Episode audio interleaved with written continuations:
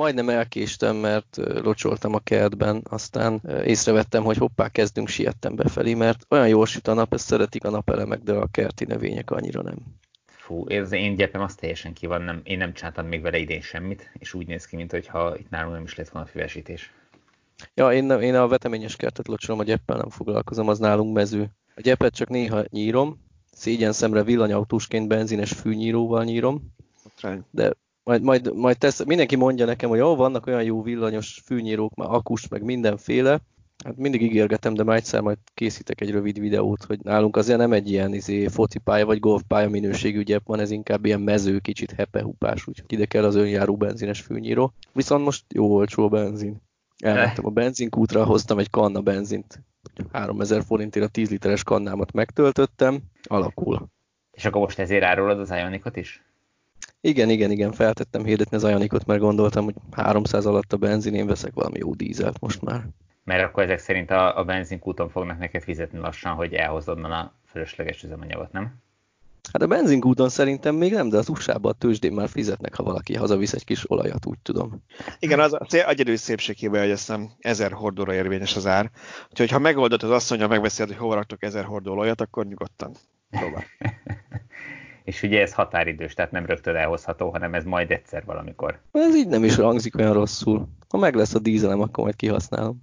Ja, de félre a tréfát nem veszek, nem veszek dízelt, viszont sokan lehet, hogy tényleg úgy gondolják, hogy, hogy eszükbe sincs villanyautót venni ebben a helyzetben, mert, mert ajándék az üzemanyag. Ti mit gondoltok, visszaesik a villanyautópiac e- ennek hatására? Nem tudom. Ez szerintem ez a legpontosabb, nem, hogy nem tudjuk. Mert alapvetően ugye persze van abban logika, hogy ha, ha olcsóbb az üzemanyag, akkor nehezebb kimutatni a pénzügyi megtakarítást, vagy nehe, lassabban éred el ugye a pénzügyi megtakarítást a villanyautóval kapcsolatban, vagy lassabban termeli vissza azt, amivel többe kerül. De ugyanakkor szerintem ez mennyi, messze nem ennyire egyszerű ez a képlet. Tehát aki autót vesz először is nem a aznapi benzinárakra gondol, hanem azért gondolkodik előre pár évre és nyilván mindenki tudja, ez egy átmeneti állapot, nem? Tehát én innen indulnék ki, hogy szerintem az emberek ennyire nem gondolkodnak egyszerűen, hogy ma olcsó a benzin, akkor nem veszek villanyautót, hogyha holnap drága lesz, akkor meg igen. Fene tudja, szerintem sokan viszonylag egyszerűen gondolkodnak. Én azért láttam olyan fórum hozzászólásokat, illetve Facebook csoportban hozzászólásokat, hogy vég az ingyenes töltésnek, és eladom a villanyautót, és veszek egy dízelt. Szerintem azért ebből olyan nagyon sok nem lehet. Meg az a helyzet, hogy Nyugat-Európában, meg Amerikában már elindult egy folyamat, ez nem fog megfordulni csak azért, mert most a benzinára egy picit ingadozik. Ráadásul Amerikában például Kaliforniában nincs akkora szignifikáns árbeli különbség a működtetésre, az üzemeltetésben a, a, a benzin, az alacsony benzinár és a nagyon magas elektromos áramár miatt, tehát ott eleve már nem, nem annyira lényeges a megtakarítás, más miatt ideológiai okokból vesznek elektromos autót. Hát meg ugye a karbantartás, azt ne felejtsük el, hogy az attól még nem változik a, a költsége annak, meg a különböző alkatrészeknek a költsége, mert olcsóban tankolsz.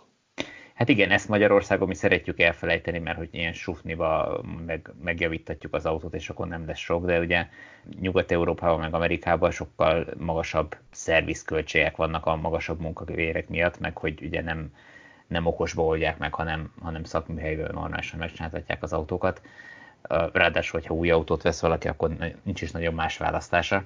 Úgyhogy nyilván ott magasak, a, magasak ezek a költségek, úgyhogy a maga a benzinár nem fogja ezt annyira, vagy dízel üzemanyagár nem fogja ezt annyira befolyásolni.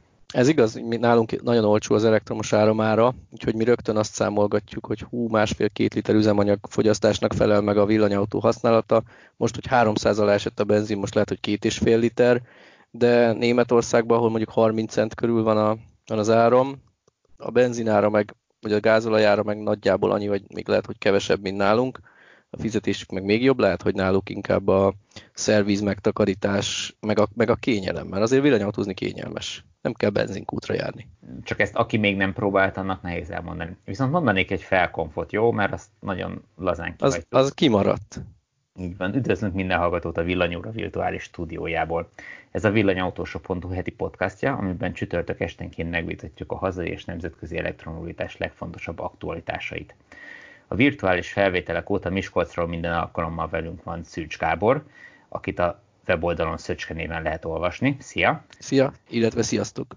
És újra itt van velünk Bíró Balázs, aki a múlt heti adást egyéb elfoglaltságai miatt volt kénytelen kihagyni. Szervusz! Sziasztok! Én Antaluci Tibor vagyok, ma 2020. április 23-a csütörtök van, ez pedig a Villanyóra 25. adása. Hihetetlen, hogy már 25, illetve 24 adás. 26, nem, nem 26? 26? 26. Tibor? El, elszúrtam. Hihet, hihetetlen. Hihetetlen, hogy, mi? hihetetlen, hogy nem tudok múlt hétről egy, egyet hozzáadni a sorszámhoz. Mert nem Na. készültünk vázlattal. igen, igen, lehet, hogy az, az zavart meg. Én elkezdtem írni, de aztán nem fejeztem be, hogy, hogy mivel is foglalkozzunk ma. Ugye azt beszéltük, hogy a vázát a, ennek a beszélgetésnek most a legnépszerűbb hírek kellene, hogy adják. Így van, amiből a... bele is vágtunk a negatív olajár. Én még ezt egy picit folytatnám, mert a, az egyik cikkünk alatt, azt hiszem a pont, amit te írtál az alatt a cikk alatt, igen, a, a Nissan Leaf akkudegradációs cikk alatt pont ebbe a témában jelentkezett egy hozzászóló Floridából, aki leírta, hogy, hogy ők mindenféle szuper benzines és dízelautókkal közlekedtek eddig, majd tavaly, hogy, hogy nem vette egy használt, viszonylag gyengébb akkuállapotú Nissan Leaf-et, és rájött, hogy eredetileg ilyen tartalékautónak vásárolta, hogy amikor szervizben van a BMW, vagy Audi, vagy akármi, mindegy melyik autójuk, akkor, akkor legyen, legyen még egy autó, hogy azzal tudjanak szaladgálni, és annyira megtetszett neki, valamint rájött, hogy hogy ő ezzel úgy takarít meg pénzt, hogyha nem pörögnek a kilométerek a, a Mercedesébe, amit nem tudom én 5-6 ezer mérföldenként viszonylag gyakran kell kötelező szervizre hordani. Ha kihagy egy kötelező szervizt, már azon többet megtakarít, mint a, mint a villanyszámla, amit a Leafbe beletölt. Igen, és valami néhány ezer dollárért vette a, a Leaf-et, 6 ezer dollárért. Itt, ha jól nézem, most még dobtam közben a hozzászólást, miközben hirtelen most nem is látom, de valamilyen 1500 dollár körülre tűnik a, a Mercinek a, a szerviz költsége. Tehát, hogyha ha négy szerviz meg tud spórolni, meg a Leaf-et használja, akkor már ingyen volt a leaf -ja. És emellett még nem tankol, bár ott, ott nem annyira jelentős tétel, mint megbeszéltük az üzemanyag. Igen, azért egyetértek, tehát, tehát én is azt mondom, hogy... hogy, az hogy jó, elég... azt, azt beszéltük meg, hogy vitatkozni fogunk. abban egyetértek, abban egyetértek, hogy nagyon ilyen, ilyen szemfelnyitó volt, hogy gyönyörű gyönyörű anglicizmussal érjek, az, hogy én is olvastam azt a kommentet, hogy, hogy mit mond az, aki AMG Mercit, meg, meg erős BMW-t használ, meg a gyereknek is azt vettek, és ehhez képest mennyire rácsodálkoztak a régi használt akus Nissan leaf és mennyire bejött nekik, az elég vicces volt így olvasni, de abszolút jó, jó amiket írtott a, a kolléga. Azért én az, annyit még hozzátennék, hogy onnan indultunk, hogy mennyire fogja az olajár befolyásolni a villanyautóeladásokat, hogy ha az olajár átmenet is, ugye azért ne felejtsük el, hogy az egész történet egy elég nagy gazdasági válsággal fog párosulni, meg már most is párosul azzal, tehát Amerikában most már azt hiszem 12-13 millió új munkanélkül lett a, a válság kitörése óta, Magyarországon is olvasni, hogy mennyien keresnek munkát, mennyien vesztették el már a munkájukat. Úgyhogy szerintem ez, ez ilyenkor két oldalról is támad. Egyrészt nyilván, aki munkát munkáját elveszíti, ez most nem fog autót venni. De ha nem is az, hogy nem vesz autót, akkor is mondjuk más dolgokban is visszavesz, kevesebb pénzt a boltban, ezért lehet, hogy mondjuk annak a boltnak a tulajdonosa sem fog új autót venni. És akinek mondjuk még meg is van a munkája, és mondjuk van pénze, lehet, hogy ő is inkább ül a pénzen, és félreteszi, vagy, vagy igyekszik vigyázni rá, mert nem tudja, mi lesz, és fél attól, hogy esetleg vagy elveszti a munkáját, vagy akkor a válság lesz, hogy, hogy nem lesz bevétele. A másik oldalon azért szerencsére az is megesett, hogy azzal, hogy sokan nem mennek munkába, azért lehet spórolni az egyéb költségeken, megélhetés költségeken. Tehát akinek van munkája, és mondjuk home office meg tudja oldani, és mondjuk helyre áll a világ néhány hónap múlva, akkor lehet, hogy lesz olyan tartalék, amiből nem biztos, hogy lecserélte van az autót, de most le tudja cserélni majd. És ez még hozzátett az, hogy nem mennek idén nyaralni az emberek, nagyon úgy tűnik. Tehát azért, ha egy család elköltött volna alsó hangon félmillió vagy még több pénzt egy, egy nyaralásra, akkor ez lehet, hogy arra ösztökéli, hogy hm, nem jövőre, hanem idén cserélek autót. Kérdés, hogy eljutnak-e addig, hogy legyen elektromos. E, érdekes egyébként ez, mert én valahol olvastam, aztán ha valamelyiket a két valahol olvastam arról, hogy van egy olyan gondolkodás is, hogy lehetséges, hogy a villanyautók felé fogja tolni az a válság az embereket, mert hogy nem szeretnek majd annyira benzinkútra járni. Ugye villanyautót nagyon sokan tudnak otthon tölteni, nyilván nem mindenki, de aki tud otthon tölteni, azt mondja, hogy fene fog elmenni a benzinkútra, ahol összeszedek valami nyavaját, vagy meg kell fognom valaki utána a töltőpisztolyt, hanem villanyautót veszek, és akkor otthon tudok tölteni, és még inkább minimalizálom ezt a rizikót. Persze ő is, hogyha hosszú távra utazik, akkor kénytelen lesz valahol tölteni, de nem mindig. Nyilván ez egy érthető dolog, de mondjuk ezt én kicsit hisztériának tartom ezt, hogy most azért nem járok benzinkútra, mert ott előttem ketten megfogták a töltőpisztolyt, hát Na. Figyelj, még nem, te régen jártál benzinkúton, tudom, mert, mert villanyautód van, de én azért meglepődtem azon, hogy vagy eddig nem volt, vagy csak én nem vettem észre, de megjelentek a benzinkutakon a nylon kesztyük, az egyszer használatos kesztyük arra, hogy azzal fog meg a, a töltőpisztolyt. Hát normális világban ez azért már régen ott van. Lehet, hogy Magyarországon nem volt. Én a spárba lepődtem meg, hogy eddig mondták azt, hogy mikor rákérdeztem, hogy miért nincs valami, amivel ki tudom szedni a zsömlét a, a helyéről, miért kell összefogdosni kézzel, vagy miért kell másik zacskot elővegyek, és akkor közölték velem, hogy azért, mert a, a vevők mindig ellopják az egyszer használatos ilyen ki, tett kötek kesztyüket, mert mindenki azzal szeret szórakozni, hogy ilyeneket hazavisz. És ezért nem tette ki, most, most hirtelen lett, és hirtelen nem lopkodják el az emberek, hanem arra használják, amire kell. Engem meglepett, hogy mennyi embert érdekelt a akkuromlása az autómnak, illetve sokan rácsodálkoztak arra, hogy már két éve használom ezt a 40 kWh-s Nissan Leaf-et, és hogy belement több mint 60 ezer kilométer, és ezek, vagy ennek kapcsán osztottam meg néhány adatot az akku állapotról. Nyilván hozzátéve, hogy ezeket azért nem szabad véresen komolyan, meg száz százalékig komolyan venni, mert ez nem egy exakt tudomány. Sajnos nagyon sok adat nem közvetlenül mérhető, hanem egyéb más adatokból van kiszámolva mindenféle algoritmusok által, úgyhogy ezek azért oda-vissza változnak, de így is érdekes dolgok derültek ki a Nissan Leaf-ről. Aki nem olvasta még a cikket, annak mindenképpen ajánlom, egy olyan 4,5 százalékot romlott évente átlagosan az akkumulátor a Leaf szerint, a gyakorlatban nem annyira vettem észre a hatótáv csökkenést. Ez nagyon érdekes, hogy, hogy a gyakorlatban mindenki ezt mondja, hogy nem, nem tapasztal hatótáv csökkenést, hiába mutat az autó túl rosszabb akku állapotot. Ebben mi lehet szerinted? Meg, megtanuljuk vezetni az autónkat takarékosabban, amikor új az autó, akkor pazarlóban vezetünk? De hát te már előtte is elektromos autóztál. Igen, tehát nekem nem volt alapvetően új maga ez a, az elektromos autózás, meg, hogy, meg a Nissan Leaf se, tehát hogy hogy, hogy kell a Nissan Leaf-et vezetni ahhoz, hogy ö, sokat el lehessen menni vele. Nyilván biztos van csökkenés. Valószínűleg, amikor új volt, akkor kevésbé mertem a, a határokig elmenni, tehát azért nem tapasztaltam most, meg hogyha szükség van rá, akkor, akkor lemegyek nulla alá, tehát hogy a, amikor már nem mutat semmit, akkor is még megyek otthon a, a Leaf Spy, és akkor az alapján látom, hogy mi van. Tehát nyilván egy kicsit én is merészebb vagyok, de a másik oldalon meg valószínű ott van, hogy, hogy az a 90 os állapot, tehát az a 10% vagy 9% csökkenés, ami az adatok alapján, az SOH alapján mutat, az egy kalkulált érték. Most gyakorlatban nem biztos, hogy, hogy mindig az jön ki. A másik meg, hogy, hogy mit mivel hasonlítok. Ugye különböző időjárási körülmények között különböző minden, minden változik, mindig minden változik, mindig minden más, nem lehet kétszer ugyanazt a, körülményt produkálni, nem lehet kétszer ugyanúgy vezetni, tehát igazából nagyon nehéz összehasonlítani egy két évvel ezelőtt és egy mostani utat, úgyhogy nyilván ez lehet egy érzéki csalódás is, de mondom, szerintem van valamennyi romlás, az kevesebb, mint 9%, de de semmiképp se, se nulla. És akkor ebből levonhatjuk azt, hogy az autó 300 ezer kilométerig simán használható lesz, mert mondjuk annyit fog tudni 300 ezeres 300 ezeret futott állapotában, mint, mint egy újszerű 24 kWh-s Leaf?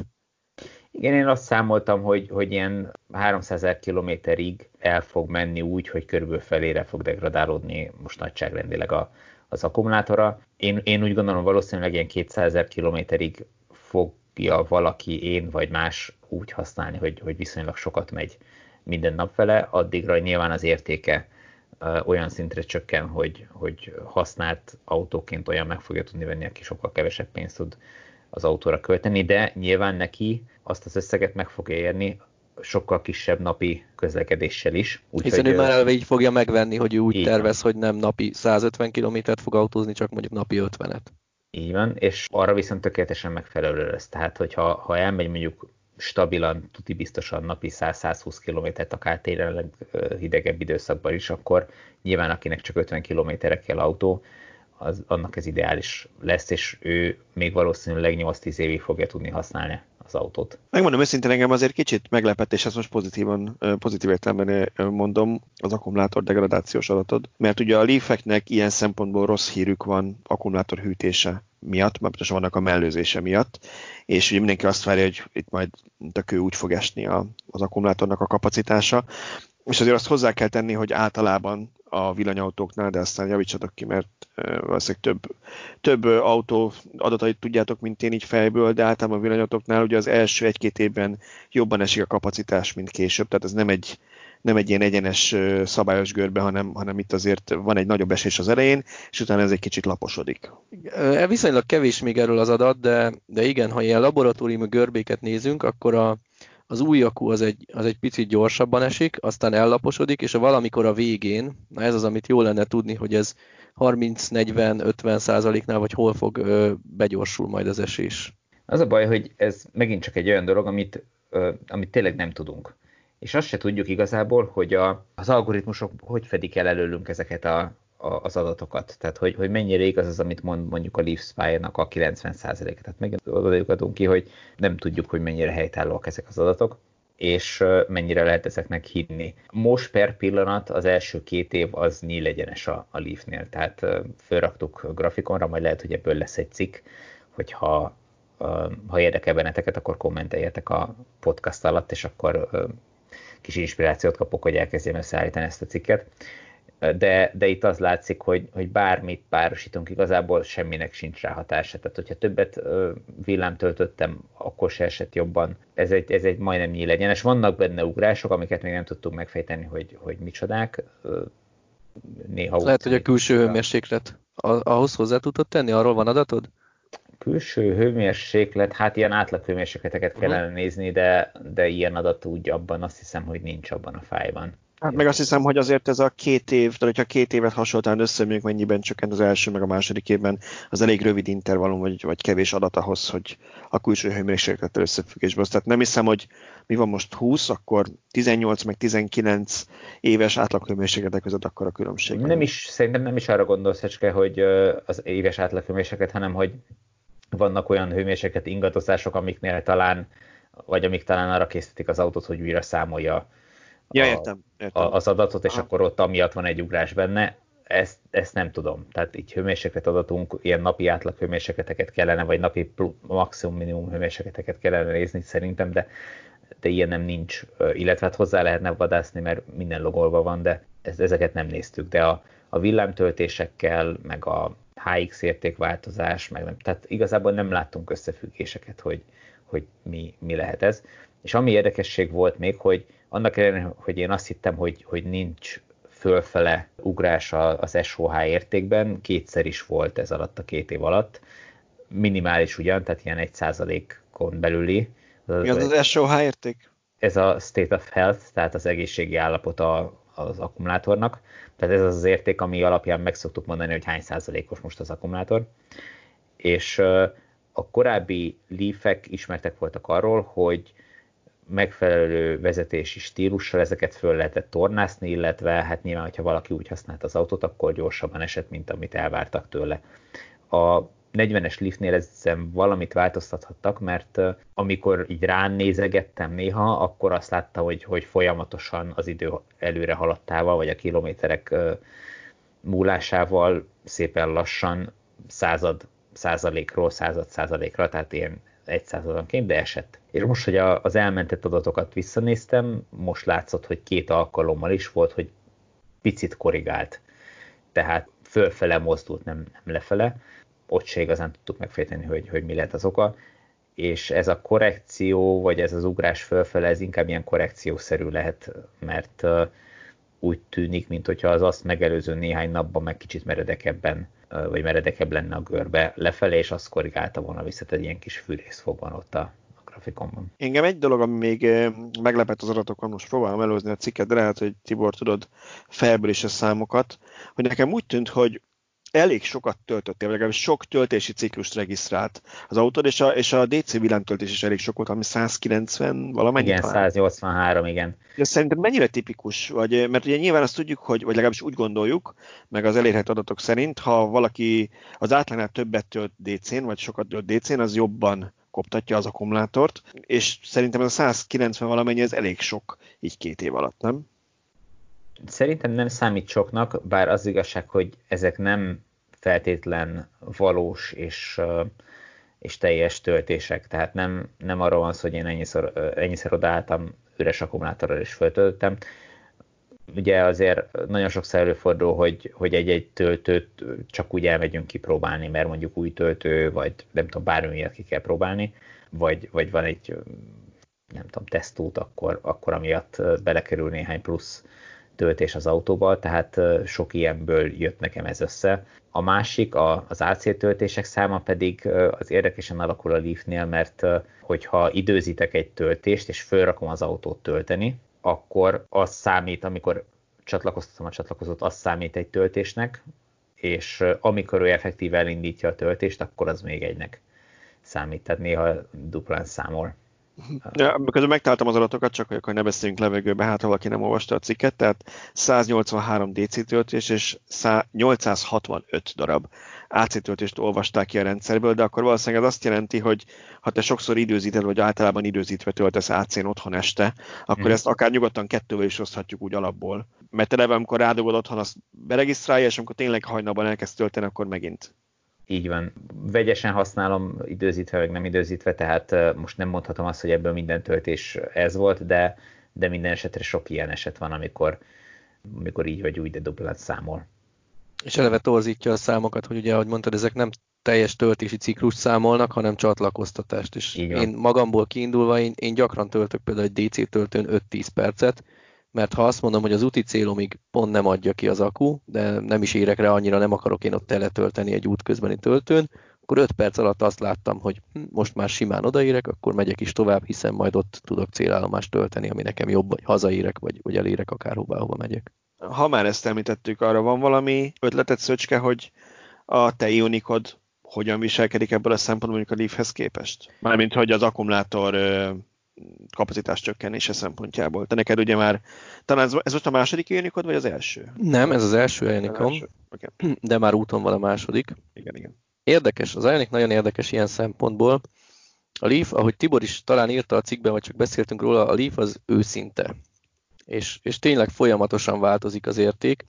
Ezzel szemben az Ionic az, az enyém is 100%-os akkuállapotot jelent, de ez ilyen 70 ezer kilométernél még annyira nem extrém dolog ellenben hallunk ilyen 2-300 ezret futott taxikról, ami még szintén 100%-os akkuállapotot jelent. Most erre mondom én azt, hogy ha 99-et írna, akkor elhinném, hogy, hogy hűti-fűti az akut, és ez baromi jó és lassan romlik, de a százat azt már nem vagyok hajlandó elhinni. Már az én 70 ezresemnél is gyanakszom, de egy 200 ezret futott autónál biztos nem. És nincs erről információnk vagy adatunk, de úgy gondoljuk, hogy a, Ugye az akkunak van egy bruttó és egy nettó kapacitása, a nettót használhatja fel a felhasználó, a bruttó az pedig egy ilyen pufferrel megnövelt, ilyen biztonsági okokból megnövelik, hogy ne, ne merítsük le soha nullára és töltsük százra.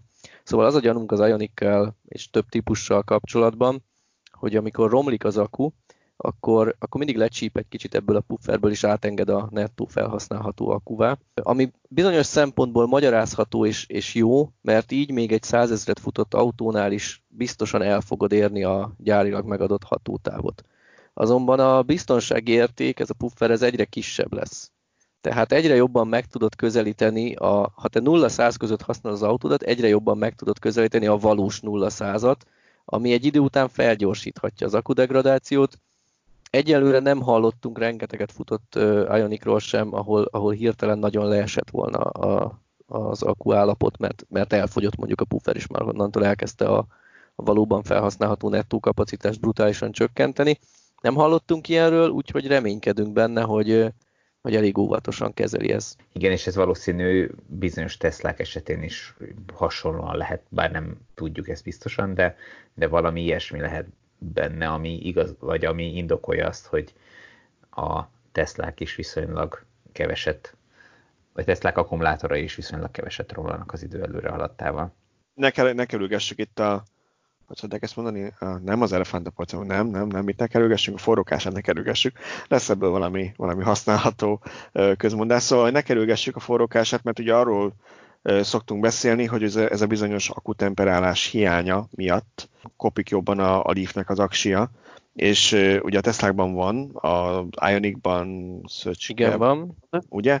Tehát, hogy, hogy mennyire, mennyire tudható ez annak, hogy, hogy a Nissan ilyen borzasztóan őszinte adatokat küld, és mennyire tudható annak, hogy ténylegesen jobban zabálja az aksit az, hogy, hogy nincsen benne aktív akkumulátorhűtés. Jól tudom, talán levegővel, vagy, vagy, vagy valamennyire azért hűtik, de nem... nem a nem, semmi nincs. A liftben semmi nincs, tehát ott gyakorlatilag ami a dobozt hűti alulról menetszél, annyi van. De... Igen, tehát hogy valami... De, de az hát az a nullával egyenérték. Igen, tehát az, az gyakorlatilag semmi, semmire nem jó. Teljesen biztos, hogy az akkumulátor a Leafben jobban romlik ugyanannyi kilométer alatt, mint egy ugyanolyan akkumulátor méretű Ionicban. Tehát ez, ez garantált, pont emiatt, mert hogy, a, hogy, hogy jobban engedi fölmelegedni a Leaf, mert egyszerűen nem tudja kontrollálni a hőmérsékletet, és ez nyilván nem tesz jót a Leafnek, vagy a Leaf akkumulátorának. De az, hogy az egyik 10%-ot romlik 60-70 ezer kilométer alatt, a másik meg nullát, és az, hogy 100 meg 200 ezer kilométer után is meg ugyanúgy 100%-os litium akkumulátora, az kizárt dolog. Olyan, olyan nincs. Tehát nyilván, ott, ott nyilván ez nem, igaz. Nyilván ez, ez nem valószínű, egyet, egyetértek abszolút. De nem azt mondtad, hogy a Leaf-ben egyébként, hogy te ezt a Leaf Spy-jal nyerted ki ezeket az adatokat. Egy átlag mezé felhasznál megnézni a pálcikákat a műszerfalon. Hány pálcikát mutat neked 10%-os csökkenésnél a Leaf? Ott még megvan az összes pálcika. Ugye az első pálcát a korábbi Leafek azok 85%-nál veszítették el. Tehát 85% alá ment, nem is tudom mennyi ideig a, a, az akkónak az állapota, akkor eltűnt egy pálcika a 12-ből. Tehát akkor mondhatjuk azt, hogy ha valaki használt villanyautót akar venni, akkor jó, hogyha van egy ismerőse, akinek van ilyen kütyűjel, meg ki lehet az adatokat, mert nem biztos, hogy elég csak a pálcikákat néznie, vagy a, mind, bármilyen autónak a műszerfálnévő adatokat, hogyha ez a fő szempont, vagy ez neki egy fontos szempont autóvásárlásnál. Hát ez mindenképpen egy fontos szempont legyen, tehát ezt, ezt azért érdemes megnézni egy elektromos autónál, hogy milyen az akkumulátor állapota. Általában nincs ezekkel gond, de, de jó tisztában lenni vele, hogy az ember mit vesz. Nyilván a Leafspy az egy, az egy jó dolog, az Ionicok esetén nem sok mindent lehet kezdeni, mert hogyha az ember beviszi egy szervizót, és meg fogják mondani, hogy 100 és nem tudsz mit kezdeni azzal, azzal az adattal, az mindegyik a Ionicnál 100% lesz. A Leafnél ugye ebből el lehet indulni, meg lehet látni nagyjából, hogy, hogy mi a helyzet. Uh, nyilván, amit a műszerfalra kiír 12 pálcika, hát az elég tághatárokat szab meg, vagy ad meg. Így van, és mondta egy fontos dolgot, hogy mennyire melegedett túl az akku. Tehát itt sokan kérdezik, hogy a, ha most akkor DC töltök, akkor, akkor tönkre fog menni az akkum. Hát szerintem inkább, ha túl melegszik az akku, akkor fog tönkre menni. Ugye vannak 22-25 kW-os, meg 50 kW-os Nissannál, ha, ha Leafnél értelmezzük, ugye ott, ott a gyorsabb töltőknek nincs jelentősége, tehát 22-25-50 kW-os DC töltők, és egy 22 kW-os az eleve nem fogja annyira melegíteni, viszont az autó ugyanúgy DC töltésnek regisztrálja be. Tehát az, hogy most látsz egy, egy LeafSpy kiolvasásnál, hogy 300-szor DC töltötték az autót, az nem jelent semmit, mert lehet, hogy mindegyik 5 perces volt, lehet, hogy mindegyik 22 kW-os volt, ellenben azt is jelentheti, hogy ez 200-szor túl melegedett az akku. És, és ez az, ami miatt szerintem fontos lehet egyrészt az akku kiolvasás, másrészt hatalmas különbségek lehetnek egy adott adott futású és adott idő, életkorú autó között, mert nem tudod, vagy nem feltétlenül tudod, hogy az előző tulajdonos ezt az autót hogy használta. Ha rendszeresen autópályán meghajtva, majd utána villámtöltve folyamatosan pirosban volt az akkuhőmérséklet, az sokat árt az akunak, ha viszont napi 100 km munkába járásra és utána otthon éjjel AC töltve használja, az meg, az meg jóval kevesebbet árt az akunak. Én szerintem erről egyszer már beszéltünk, azt nem tudom, hogy csak privátban, vagy pedig villanyóra keretében, de mintha Szöcske, te írtál volna egy cikket, vagy csak te találtad, hogy volt egy, volt egy így közkéntsen forgó, talán Leaf volt, amit feltétlenül taxinak használtak a tulajdonosok, de a, a használt autó nem úgy került fel, és ugye itt ilyen különböző adatbázisokban, hivatalos állami adatbázisokban lévő képek is elárulták, hogy, hogy ugye korábban sárga fóliás volt az autó. Tehát itt a futás teljesítménynél azt is figyelembe kell venni, hogyha valaki mondjuk olyan autót vesz, ami népszerű, akár taxisok, akár közösségi autó megosztók között, akkor lehetséges, hogy olyan autót vesz, amit nagyon sokat használtak már korábban. De szerintem minden, ez nem, nem elektromos autó specifikus, ez ugyanúgy, ez ugyanúgy megvan hagyományos autóknál, és tehát szerintem erre mindenképp érdemes odafigyelni. Én nekem az a véleményem, hogy nem gond az, hogy egy autó taxi volt, az gond, hogyha ezt eltitkolják, letagadják. Természetesen persze, tehát nyilván taxikat is eladnak használtan, és, és abban is igazad van, hogy ez, hogy ez nem egy elektromos autógond, csak hogy elektromos autóknál van egy-két típus, ami, ami esélyes erre a használati módra, ugye tudjuk, hogy milyen autókat szoktak ezek a szolgáltatók flottába állítani. Ott érdemes jobban körüljárni, vagy körülnézni. Egyértelmű. Igen, itt főleg az a gond tényleg, hogyha ha az ár úgy van beállítva, mint hogyha az egy keveset hozott autó lenne, és közben meg szét volt hajtva, ekkor van gond, igen. És amit az nagyon fontos, amit Szöcske is mondott, hogy nem csak a gyors töltéssel lehet nyírni az akkumulátort, hanem azzal is, hogyha az ember autópályázik fel, és 130-al hajtja állandóan az autópályán, és utána nem tud az akkumulátor rendesen visszahűlni, vagy nem engedik visszahűlni, hanem újra fölteszik töltőre, és fölmegy 50 fok fölé, és mondjuk ezt minden nap eljátszák, akkor ez nyilván sokkal inkább árt az akkumulátornak, mint hogyha mondjuk az autópályázás után lassú töltőn töltenék, és vissza tud hűlni az, az akkumulátor mondjuk. Ez most csak egy légből kapott példa, de, de ezek azért számíthatnak. És kicsit azt kell mondjam, hogy ennyi, ezért fontos, hogy egy autó hűtse az akut. Tehát az Ionic az ilyen szempontból hülye biztos. Tehát ott, ha van egy őrült tulajdonos, aki állandóan nyomja neki és állandóan DC töltőre teszi, azt valamennyire megoldja az autó. Igen, a, a Leaf kapcsán ez mindig előjön érthetetlen, hogy, hogy miért nem tettek be legalább egy ilyen levegőkeringetést a, a Leaf akkumulátor csomagjába, mint amilyen ez Ionicban is van, nem tűnik itt túl bonyolult dolognak. Meg lehetett volna oldani ezt a kérdést.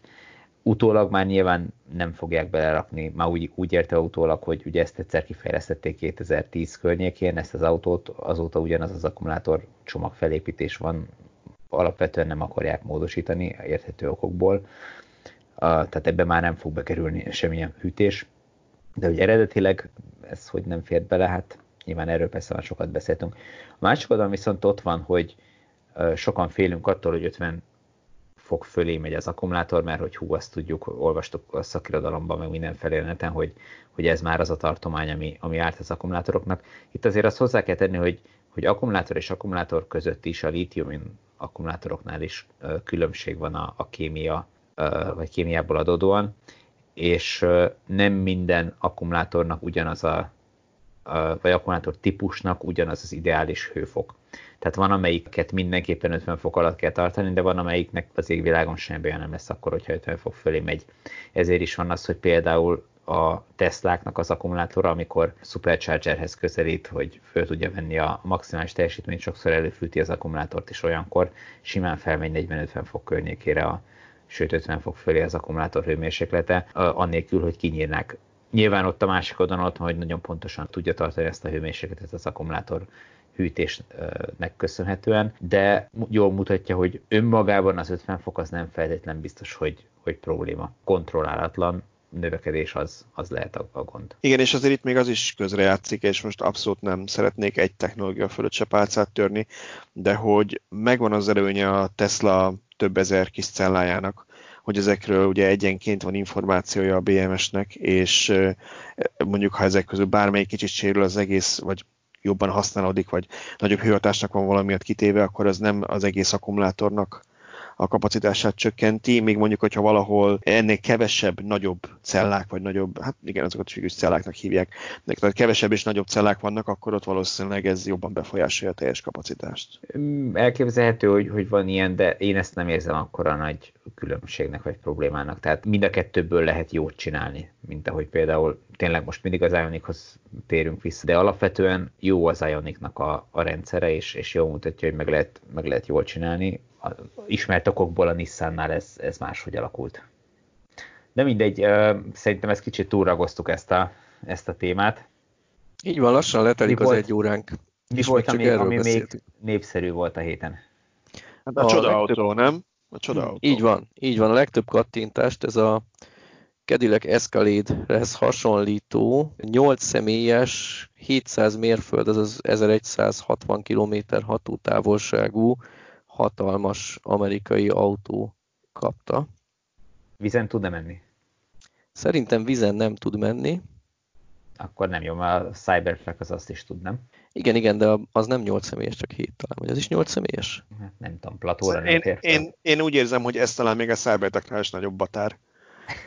ez, ez hatalmas. Ez szerintem B kategóriával biztos, hogy nem lehet vezetni, mert ahogy, ahogy nézegettük a méreteit, meg itt számolgattuk, 200 kWh akucsomag, meg, a, meg az ekkora méret, ez, ez kizárt dolog, hogy ez 8 személlyel 3500 kg megengedett ösztömeg alatt maradjon, úgyhogy szerintem sokan nem fognak ilyet venni, amiatt, hogy nem szeretnének rá, nem tudom, busz vagy teherautó, vagy milyen kategóriás jogosítványt szerezni. Igen, ezt talán azért mondjuk el, mert nem mondtuk meg a típusát, hogy ez a Triton Model H, Hát most nem menjünk hogy ez a Model H mennyire eredeti elnevezés, de azt, azt azért meg lehet említeni, hogy a Triton az egy startup és autót, de még prototípus se gyártottak soha.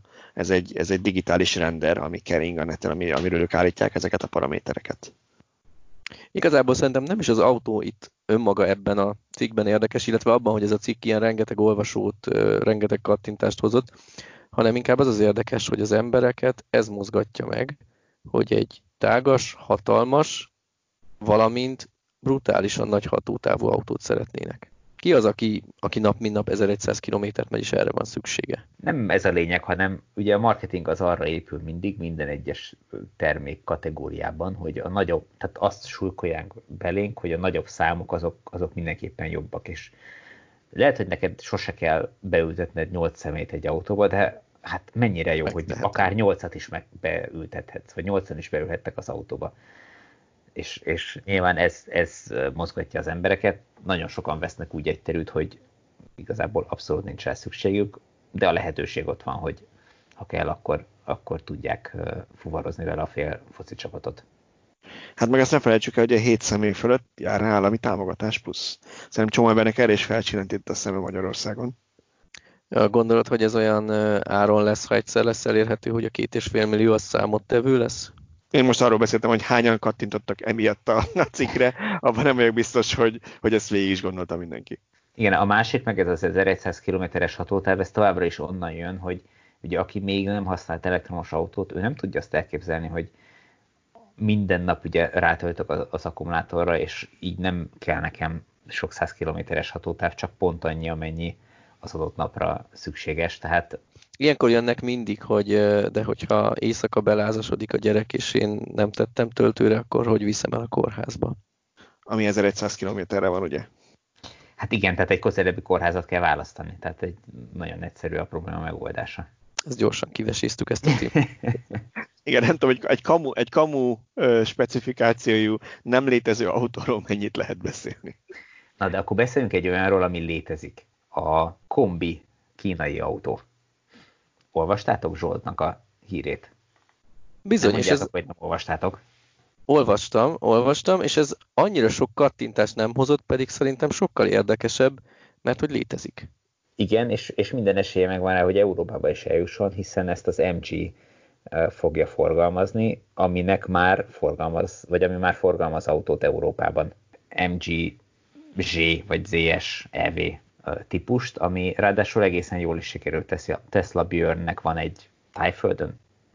Azt hiszem. Igen, igen, tájföldön olyan autót vett, erről hosszasan beszélt, hogy gyakorlatilag ez az egyetlen autó, amit ott normális áron meg lehet venni, mert a kínai autókra nem tesznek védővámot, az egyéb autókra hatalmasat. A lényeg az, hogy ilyen európai árnak többszörösért lehet venni a legtöbb típust, az MG ZS EV-t viszont nem de egyébként nekem nem tűnik rossznak ez az autó.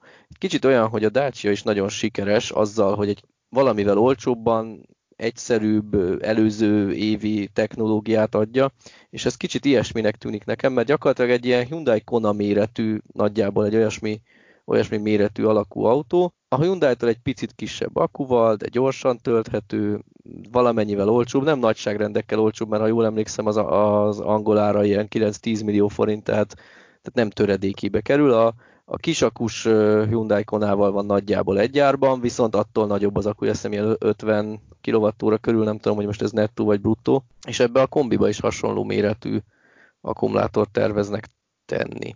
Ebben szerintem az lehet az érdekes, hogy a kombi kategória így világszerte eléggé tudom, nem veszik az emberek, amióta mindenki SUV-t vesz, viszont a skandináv országokban és Németországokban továbbra is nagyon népszerű ez a kategória, és ha elkezdik mondjuk Németországban forgalmazni ezt az autót, szerintem nagyon sok vevője lesz. Igen, meg hát szerintem Magyarországon se céges autók között azért még, még ott van. Nem biztos, hogy mindenütt engedik az SUV-ket megvenni. A kombi az meg általában bele szokott így férni, és akkor sokan azt választják családi autónak. Igen, itt azért megint kérdés, hogy mire Európába ér, és hogy megfeleljen az itteni előírásoknak, mennyibe fog kerülni az autó. E, illetve ugye azt tudjuk, hogy ugye 418 km-es hatótávot írnak, de ez a igazából semmire nem használható NEDC szabvány szerint van számolva, úgyhogy lehetséges, hogy ez a mondjuk talán VLTP szerint is, hát mennyi lehet, 300 talán, e, ami nem rossz, de meg kell nézni, hogy, hogy mennyi ára, mennyi lesz az ára, tehát ez mennyire éri meg. Nem? Nem hiszem, hogy árban nagyon nagy különbség lehet a másik modellhez képest, ami, ami kapható. Most az egy, az egy ilyen kisebb SUV, ez meg egy picivel nagyobb kombi, tehát most 1-2 millió forint lehet a differencia, de nem lesz arról szó, hogy az egyik 10, a másik 15 millió. Most ez lesz mondjuk 11, az, az még simán a vállalható kategória, nyilván elektromos autó kategóriában. Én szerintem még csak drágább se lesz, tehát ez általában a kombik nem feltétlenül drágábbak, mint a, az SUV-k egyébként se, úgyhogy ha meg ugyanaz az akkumulátor méret van benne, vagy ugyanaz az akkumulátor csomag, akkor meg végképp nem indokolt, hogy drágább legyen. És hogyha most abból indulsz ki, hogy 52,5 kWh az akkucsomagja, mennyi legyen mondjuk egy 18 kWh a reális fogyasztása? Igen, ez egy kicsit jobban fog fogyasztani, mint az SUV, hiszen laposabb. Akkor, akkor is 290 km-t el tud menni, de hogyha azt mondjuk, hogy, hogy mit tudom én, valamiért nem jó a, a légellenállás, és 20-at fogyaszt, vagy jobban hajtod, akkor is 260 km. Tehát abszolút vállalható szerintem. Én is úgy gondolom, hogy ha ezt Európában kellő példányszámban elkezdik árulni, akkor nagyon fogják venni. Hát kérdés, hogy hozzánk valaha eljut egyáltalán. Hát hozzánk lehet, hogy csak használt importban, mert nem is tudom, talán a Facebookon értek ehhez is, hogy, hogy oké, okay, MGZS EV az van Angliában, de ugye ott nem jó oldalon van a kormány, tehát az, az nekünk nem annyira piac. Viszont van már ebből Hollandiában, Norvégiában is, és veszik. Hollandiából pedig rengeteg használt autót hoznak Magyarországra, ugye a rengeteg amperára és Outlanderre elég gondolni, ezeknek szerintem nagyon nagy része Hollandiából érkezik hozzánk. Igen, igen, igen. Mondjuk rossz hír az, hogy a hollandok is rákaptak az elektromos autókra, és szerintem, ahogy jönnek az egyre használtabb elektromos autók, azokból már egyre kevesebb fog olyan áron a használt piacra kerülni, hogy megérje Magyarországra behozni. Amitől érdekes lesz a Hollandiából Magyarországra hozott autók, elektromos autók piaca, hogy Hollandiában idéntől, nyártól négy vagy öt évig a használt elektromos autókra is adnak állami támogatást. Tehát jobban fogják venni második autónak, vagy azok a családok, akik eddig nem gondolkoztak elektromosba, azt hiszem 2000 euró támogatást kapnak. Nem feltétlenül fogják Magyarországra eladni az elektromos autókat, így már lesz hazai piaca. Hát igen, olyan áron lesznek ott a piacon az autók, ami mellett már nem biztos, hogy, hogy Magyarországra megéri ezeket behozni mondjuk összehasonlítva más egyéb európai országokból. Tehát lehet, hogy mondjuk a, a francia piacon lévő autók sokkal inkább versenyképesek lesznek használt autóként a magyar piacon. De bizonyára fognak MG-ből árulni ö, többi európai országba is, tehát azért annyira nem kell aggódnunk. Úgy gondolom, hogy sajnos Magyarország nem lesz ott az első 5-10 ország között, hiszen annyira apró piac vagyunk. Viszont ha Németországban, Franciaországban árulják ezeket, akkor utána használtként hozzánk is egész biztosan eljutnak azt akartam mondani ezzel, hogy már ha jut nekünk, hogy azért eh, erről talán nem is beszéltünk, pedig ez egy tök érdekes téma, és szerintem többször uh, mi is előhoztuk már, hogy legalábbis én tudom, hogy én beszéltem már párszor róla, hogy milyen jó lenne, ha Magyarországon is lenne támogatás a használt villanyautókra, tekintve nagyon sok ember nem engedheti magának az új autót, akár használt, akár új. Bocsánat, bocsánat akár, akár villanyos, akár benzines, tehát mindenképpen használtba gondolkodik. És ugye a hollandok most ezt meglépték. Kérdés, hogy mennyire fogja ez eh, felszítkázni az európai használt villanyautókat, mert mondjuk lehet, hogy Franciaországból is viszonylag egyszerűen át lehet Hollandiába vinni egy használt autót eladni, és hogyha ott felpörög nagyon a használt autók iránt, a használt villanyautók iránt a kereslet, emiatt a támogatás miatt, akkor kérdés, hogy mennyi használt villanyautó jön Magyarországra az európai piacról. Hát azt nem tudom, hogy a holland támogatás az külföldről Hollandiába bevitt használt autókra érvényese de a másik oldalon én meg nem értek egy, ezzel egyet, hogy a használt villanyautót is támogassuk, hiszen az a villanyautó az már egyszer kapott, amikor újkorában megvették egy állami támogatást. mi indokolja, hogy még Hát vagy kapott, kapja. vagy nem kapott. Meg nem hát, az autó kapta a tulajdonosa. Ez az okay. lehet a második embernél. Oké, okay, de, de világos, de az ára, az eredeti ára annyival olcsó volt. Nézd, én, én azért mondom, hogy, hogy ugye ez a, ez a mi indokolja, hogy kapjon, hogyha azt abból indulunk ki, hogy az alapkoncepció az, hogy azért támogatjuk a villanyautókat, hogy, vagy a megvásárlásukat, hogy, hogy minél több ö, emberhez eljussanak, és, és segítsük a környezetvédelmet, akkor ezt, ezt ezt ott is meg kell fontolni, ahol tudjuk, hogy nem tudják megengedni maguknak az új autókat. Tehát ez, hogy ez inkább egy elvi kérdés, nem mint az, hogy hú, hát ezt az autót egyszer már támogattuk. Ezt új autónként támogattuk, és valóban ezzel valaki meg tudta venni, aki, aki lehet, hogy benzines volt volna helyette, de használt autóként nagyon sokan, hogyha nem ezt veszik, vagy nincs rá támogatás, akkor úgy, meg fogja venni a roncsot külföldről, a roncs benzines dízelt külföldről. Hát inkább azt kellene tiltani. Tehát az a helyzet, hogy ha elkezdett támogatni használt elektromos autókat, akkor mi lesz, hogyha kellően sokszor adják, veszik az autót, akkor gyakorlatilag kifizeti az állam az egész Nem, hát nyilván ez nem azt jelenti, hogy 15-ször el lehet adni, tehát azért ennek biztos, hogy Hollandiában is vannak keretei, és nem arról van szó, hogy naponta el lehet ugyanazt az autót újraadni, és mindig bezsebelni a támogatást. Gondolom, hogy az alvásszám alapján tud működni, és lehet, hogy három évig legalább meg kell tartani, tehát valami biztos van. De attól, hogy mondjuk és természetesen ez egyetértek, mert ezt mi is több, én is többször mondtam, és többször beszéltük, hogy szigorúbban kéne szabályozni azt, hogy milyen használt autókat lehet külföldről behozni, ugye környezetvédelmi szempontból, de attól még, hogy betiltod, attól még nem lesz több pénze az embereknek. Tehát akkor maximum nem vesz újabb használt autót, hanem még tovább nyúzza azt a 16 vagy 18 éves autóját, mert attól neki még nincs több pénze, hogy nem engedett, hogy behozzák a használt rosszabb állapotú külföldit. Hát ez nézőpont kérdése, mert így, hogy nagyon olcsó az autó, olyan is autót vesz, mert meg tudja engedni magának, akinek nem feltétlen biztos, hogy kellene, mert nem tudja olyan műszaki szinten karban tartani az autót, amilyen műszaki szinten kellene, vagy szükség lenne rá, ezért jobban szennyez, ezért sokkal veszélyesebb az utakon, mert mondjuk lehet, hogy nem csak a kipufogója rossz állapotú, de a féke is. Tehát, hogy azért ez rengeteg olyan problémát felvet, ami, ami elgondolkodtató. Hát ezzel megint eljutottunk oda, hogy a műszaki vizsgán kellene szigorúbban ellenőrizni az autók károsanyag kibocsátását, vagy akár ilyen, nem is csak, mert két év alatt rengeteget romlik egy idősebb autó, tehát nem, nem csak műszaki vizsgán, hanem régen volt azt hiszem évente kötelező ilyen zöldkártyás vizsgálat, tehát ilyen környezetvédelmi vizsgálat, lehet, hogy ezeket kellene újra bevezetni. Hát nem tudom, én, én azt se tartanám észszerűnek, hogy most minden nap egy-két napot, vagy minden évben egy-két napot eltöltsek azzal, hogy én az autónak a papírjait intézgetem, tehát ez megint csak nem egy jó, vagy nem feltétlenül biztos, hogy egy jó megoldás. Egyszerűen minél öregebb egy autó, minél szennyezőbb egy autó, annál inkább kellene drágítani a, az üzemben tartásának a költségeit, hogy a szennyező autó az drágának számítson a kevésbé szennyező autóhoz képest. Ez be fogja árazni a, a piac, és, és sokkal inkább akkor a, a vásárlókat a lehet, hogy egy nagyon picit drágább, de kevésbé szennyező autók felé fogja terelni.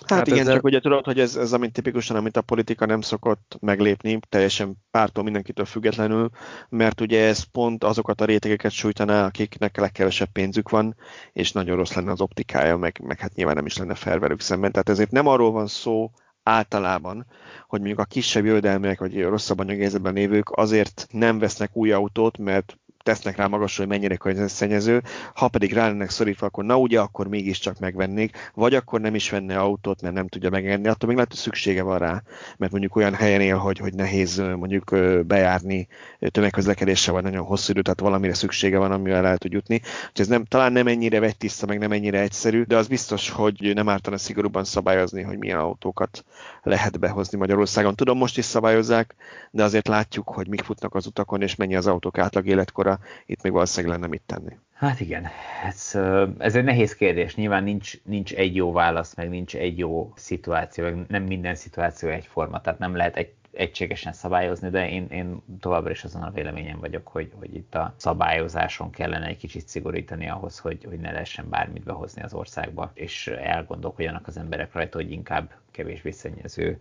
autókat hozzanak, vagy akár esetleg elektromos autót külföldről, hogyha feltétlenül használt autót akarnak venni. Hát a használt autó támogatásban én abszolút érzem azt a veszélyt, hogyha most ezt bevezetnék, hogy jövő évtől használt autóra is van 500 ezer forint támogatás, akkor hirtelen mindenki eladná a feleségének, férjének a használt autóját Magyarországon. Én, én abszolút látok benne egy ilyen kockázatot. Tehát kijátszanák a rendszert. Igen, én, én, úgy, én úgy gondolom, hogy ez még talán Hollandiában is veszély, nem még Magyarországon, ahol, ahol sokkal kisebb apró pénzért is lehajolnak az emberek, és kihasználják a kiskapukat. Mi ezt szoktuk, meg ezen szocializálódtunk az előző írában, illetve ugye magyar nép, de, de én, én tartok ettől, hogy, a, hogy nagyon hamar kimerülne az erre szánt keret. És ugye mi alapján lehet ezt korlátozni, hogy, hogy hát figyelj, én valami... nem adhatom el a testvéremnek vagy bárkinek az autómat? E- ebből az irányból nyilván nem lehetne megközelíteni, de mondjuk azt meg lehetne csinálni, és talán Németországban volt régen ez a roncs prémium rendszer, meg ugye pont most pedzegetik az autógyártók, gyártók, hogy szeretnék újra, hogyha német kormány ezt bevezetni, hogy mondjuk le kell adnod egy roncsautót. Tehát nem csak arról lesz hogy eladod valakinek, és akkor ennyi, hanem úgy vehetnéd igénybe, hogyha leadsz mondjuk egy bizonyos kategóriái vagy környezetvédelmi besorolású autót helyette. És azt ténylegesen kivonjuk a forgalomból. Na, tudom, tudom, akkor mindenki elkezdeni azt importálni, hogy eladja, és tehát vágom, hogy mindent ki lehet játszani, persze, na de ilyen alapon semmi támogatást nem szabad adni, mert úgyis mindent kijátszunk. Tulajdonképpen igen, ebben is van valami. Igen, én alapvetően nem lennék híve, hogyha ha világszinten nem lenne ez az állami támogatása az elektromos autókra, én nem lennék híve alapvetően annak, hogy, hogy támogassuk az új elektromos autók vásárlását, mert ezt tulajdonképpen, ha szigorúan nézzük, akkor egy extra profit az autógyártóknak, ennyivel drágábban adhatják minden olyan országban az autókat, ahol van rá állami támogatás. Ha egy ország kicsi, akkor nem fognak foglalkozni vele akkor se, hogyha ha nincs állami támogatás, ugyanúgy ráteszik azt a pénzt. Úgyhogy ez Igen, én is úgy gondolom, hogy, a, hogy például a zöld rendszám és az ahhoz kapcsolt előnyök, amit megkap egy használt autó is, azok ilyen szempontból valahogy egyszerűbben, kevésbé kiátszhatóan adhatók, mint, mint egy vásárlási támogatás. Igen, és kellően ösztönzőek szerintem. Tehát példák is jól mutatják, hogy, hogy nagyon sokan már azért megveszik a használt elektromos autót is, vagy egyáltalán az elektromos autót, mert van mondjuk ingyenes parkolás rá, mert ilyen-olyan adókat, járulékokat, illetékeket nem kell kifizetni rá. Tehát, hogy ezek nem rosszak szerintem összességében ezek a rendszerek. Nyilván lehetne bármi finomítani. Meg aztán majd látjuk, hogy egyáltalán az új autó támogatás az, hogy fog alakulni, az ugye nem is tudom, máj, hány hete nincs már, és nem is hallunk róla, hogy lesz. Megint csak tolódik, mert nyilván nem ez a legnagyobb probléma most az ITM-ben. De ez most valószínűleg megakasztja az új autó értékesítéseket is, mert mindenki kivár, és ez az a helyzet, hogy nagyon gyorsan rendezni kellene, mert ez a év második felében, amikor normalizálódna a gazdaság, akkor nagyon-nagyon vissza fog ütni, hogy akkor, amikor már jönnie kéne be a, a, az új autóknak, akkor nem lesz semmi, nem fog történni semmi, nem fognak eladni semmit, mert, mert nem rendelte meg senki azokat az autókat. Így van, ez mindenképp veszélyes ez a jelenlegi helyzet, tehát ha esetleg úgy döntenek, hogy most erre nincs pénz és nem lesz támogatás, ezt is fontos lenne kommunikálni, mert akkor az ember eldöntheti, hogy nincs támogatás, ennyi pénzért megveszem az autót, vagy sem.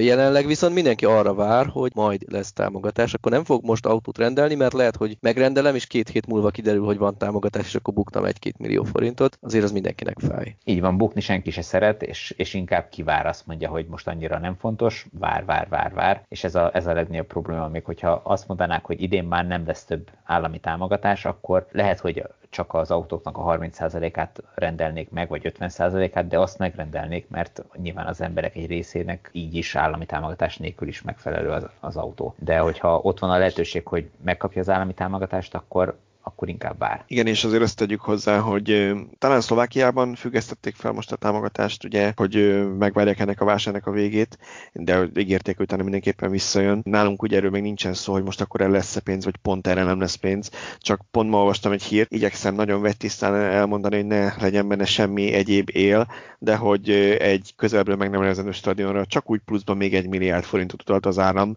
Ugye itt három milliárdos keretről beszéltünk a villanyautóknál, ami mennyire másfél éven keresztül tartott ki talán? Tehát, kettő. hogy ezt így Igen. kettő éven keresztül, hogy akkor az egy milliárdból, hát akkor majdnem egy évig, vagy három évig lehetne finanszírozni ezt a programot.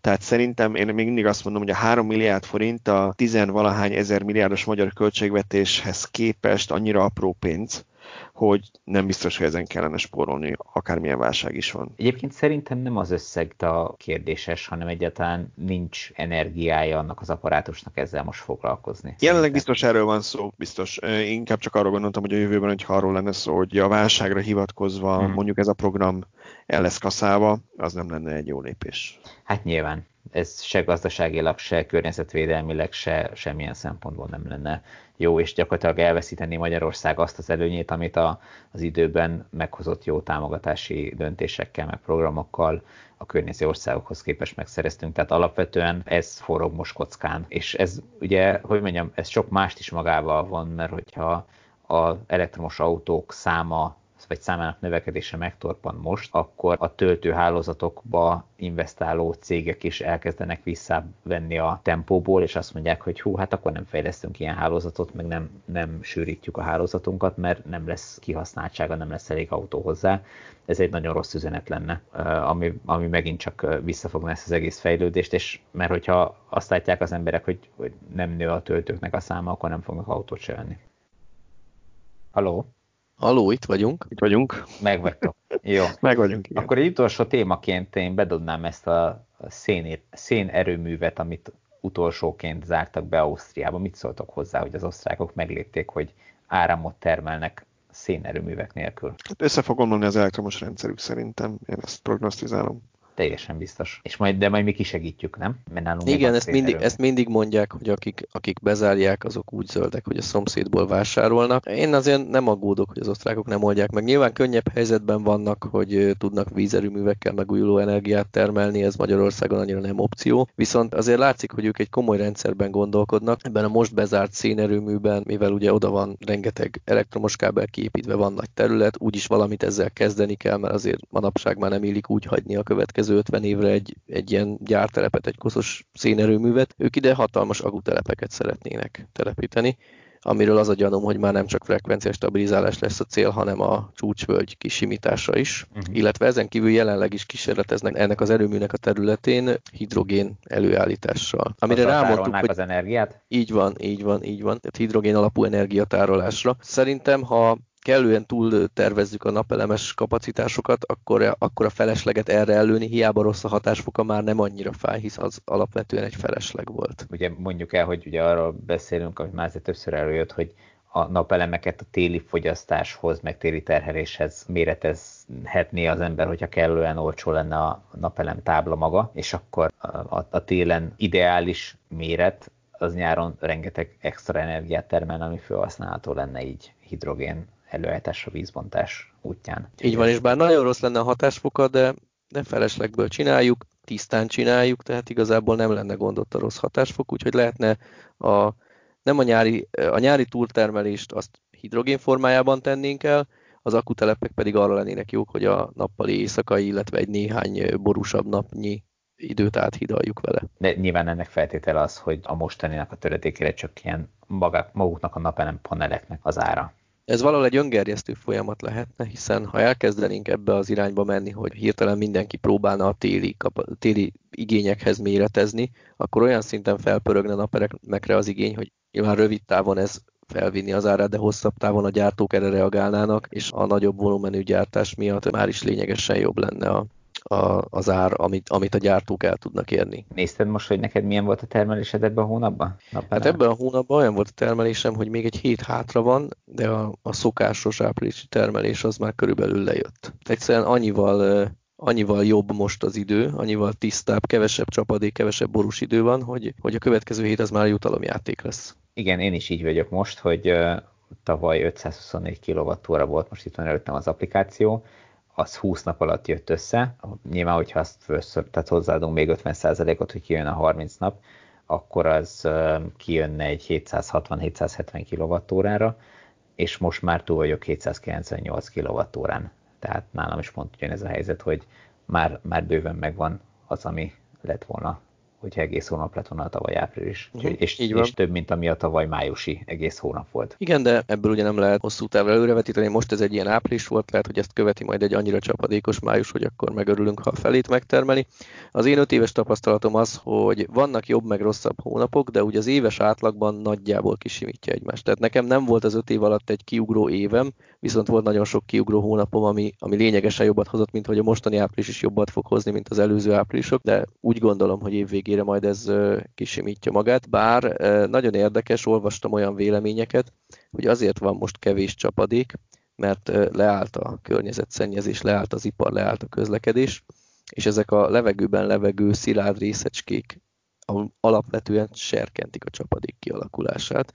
Kicsit én ezt összeesküvés elmélet hangúnak érzem, de bevallom nem értek hozzá, tehát még az is lehet, hogy van ilyen hatása, hogy most azért naposabb és tisztább az idő, mert kevesebbet szennyezünk. Te, te hogy ezt brit tudósok mutatták ki, mert én csak akkor hiszem el. Sajnos nem tudom, hogy milyen nemzetiségű kutatók, de az is lehet, hogy a dízel lobby intézte. Vagy a villanyos lobby. Elképzelhető. A napelem lobby. Igen.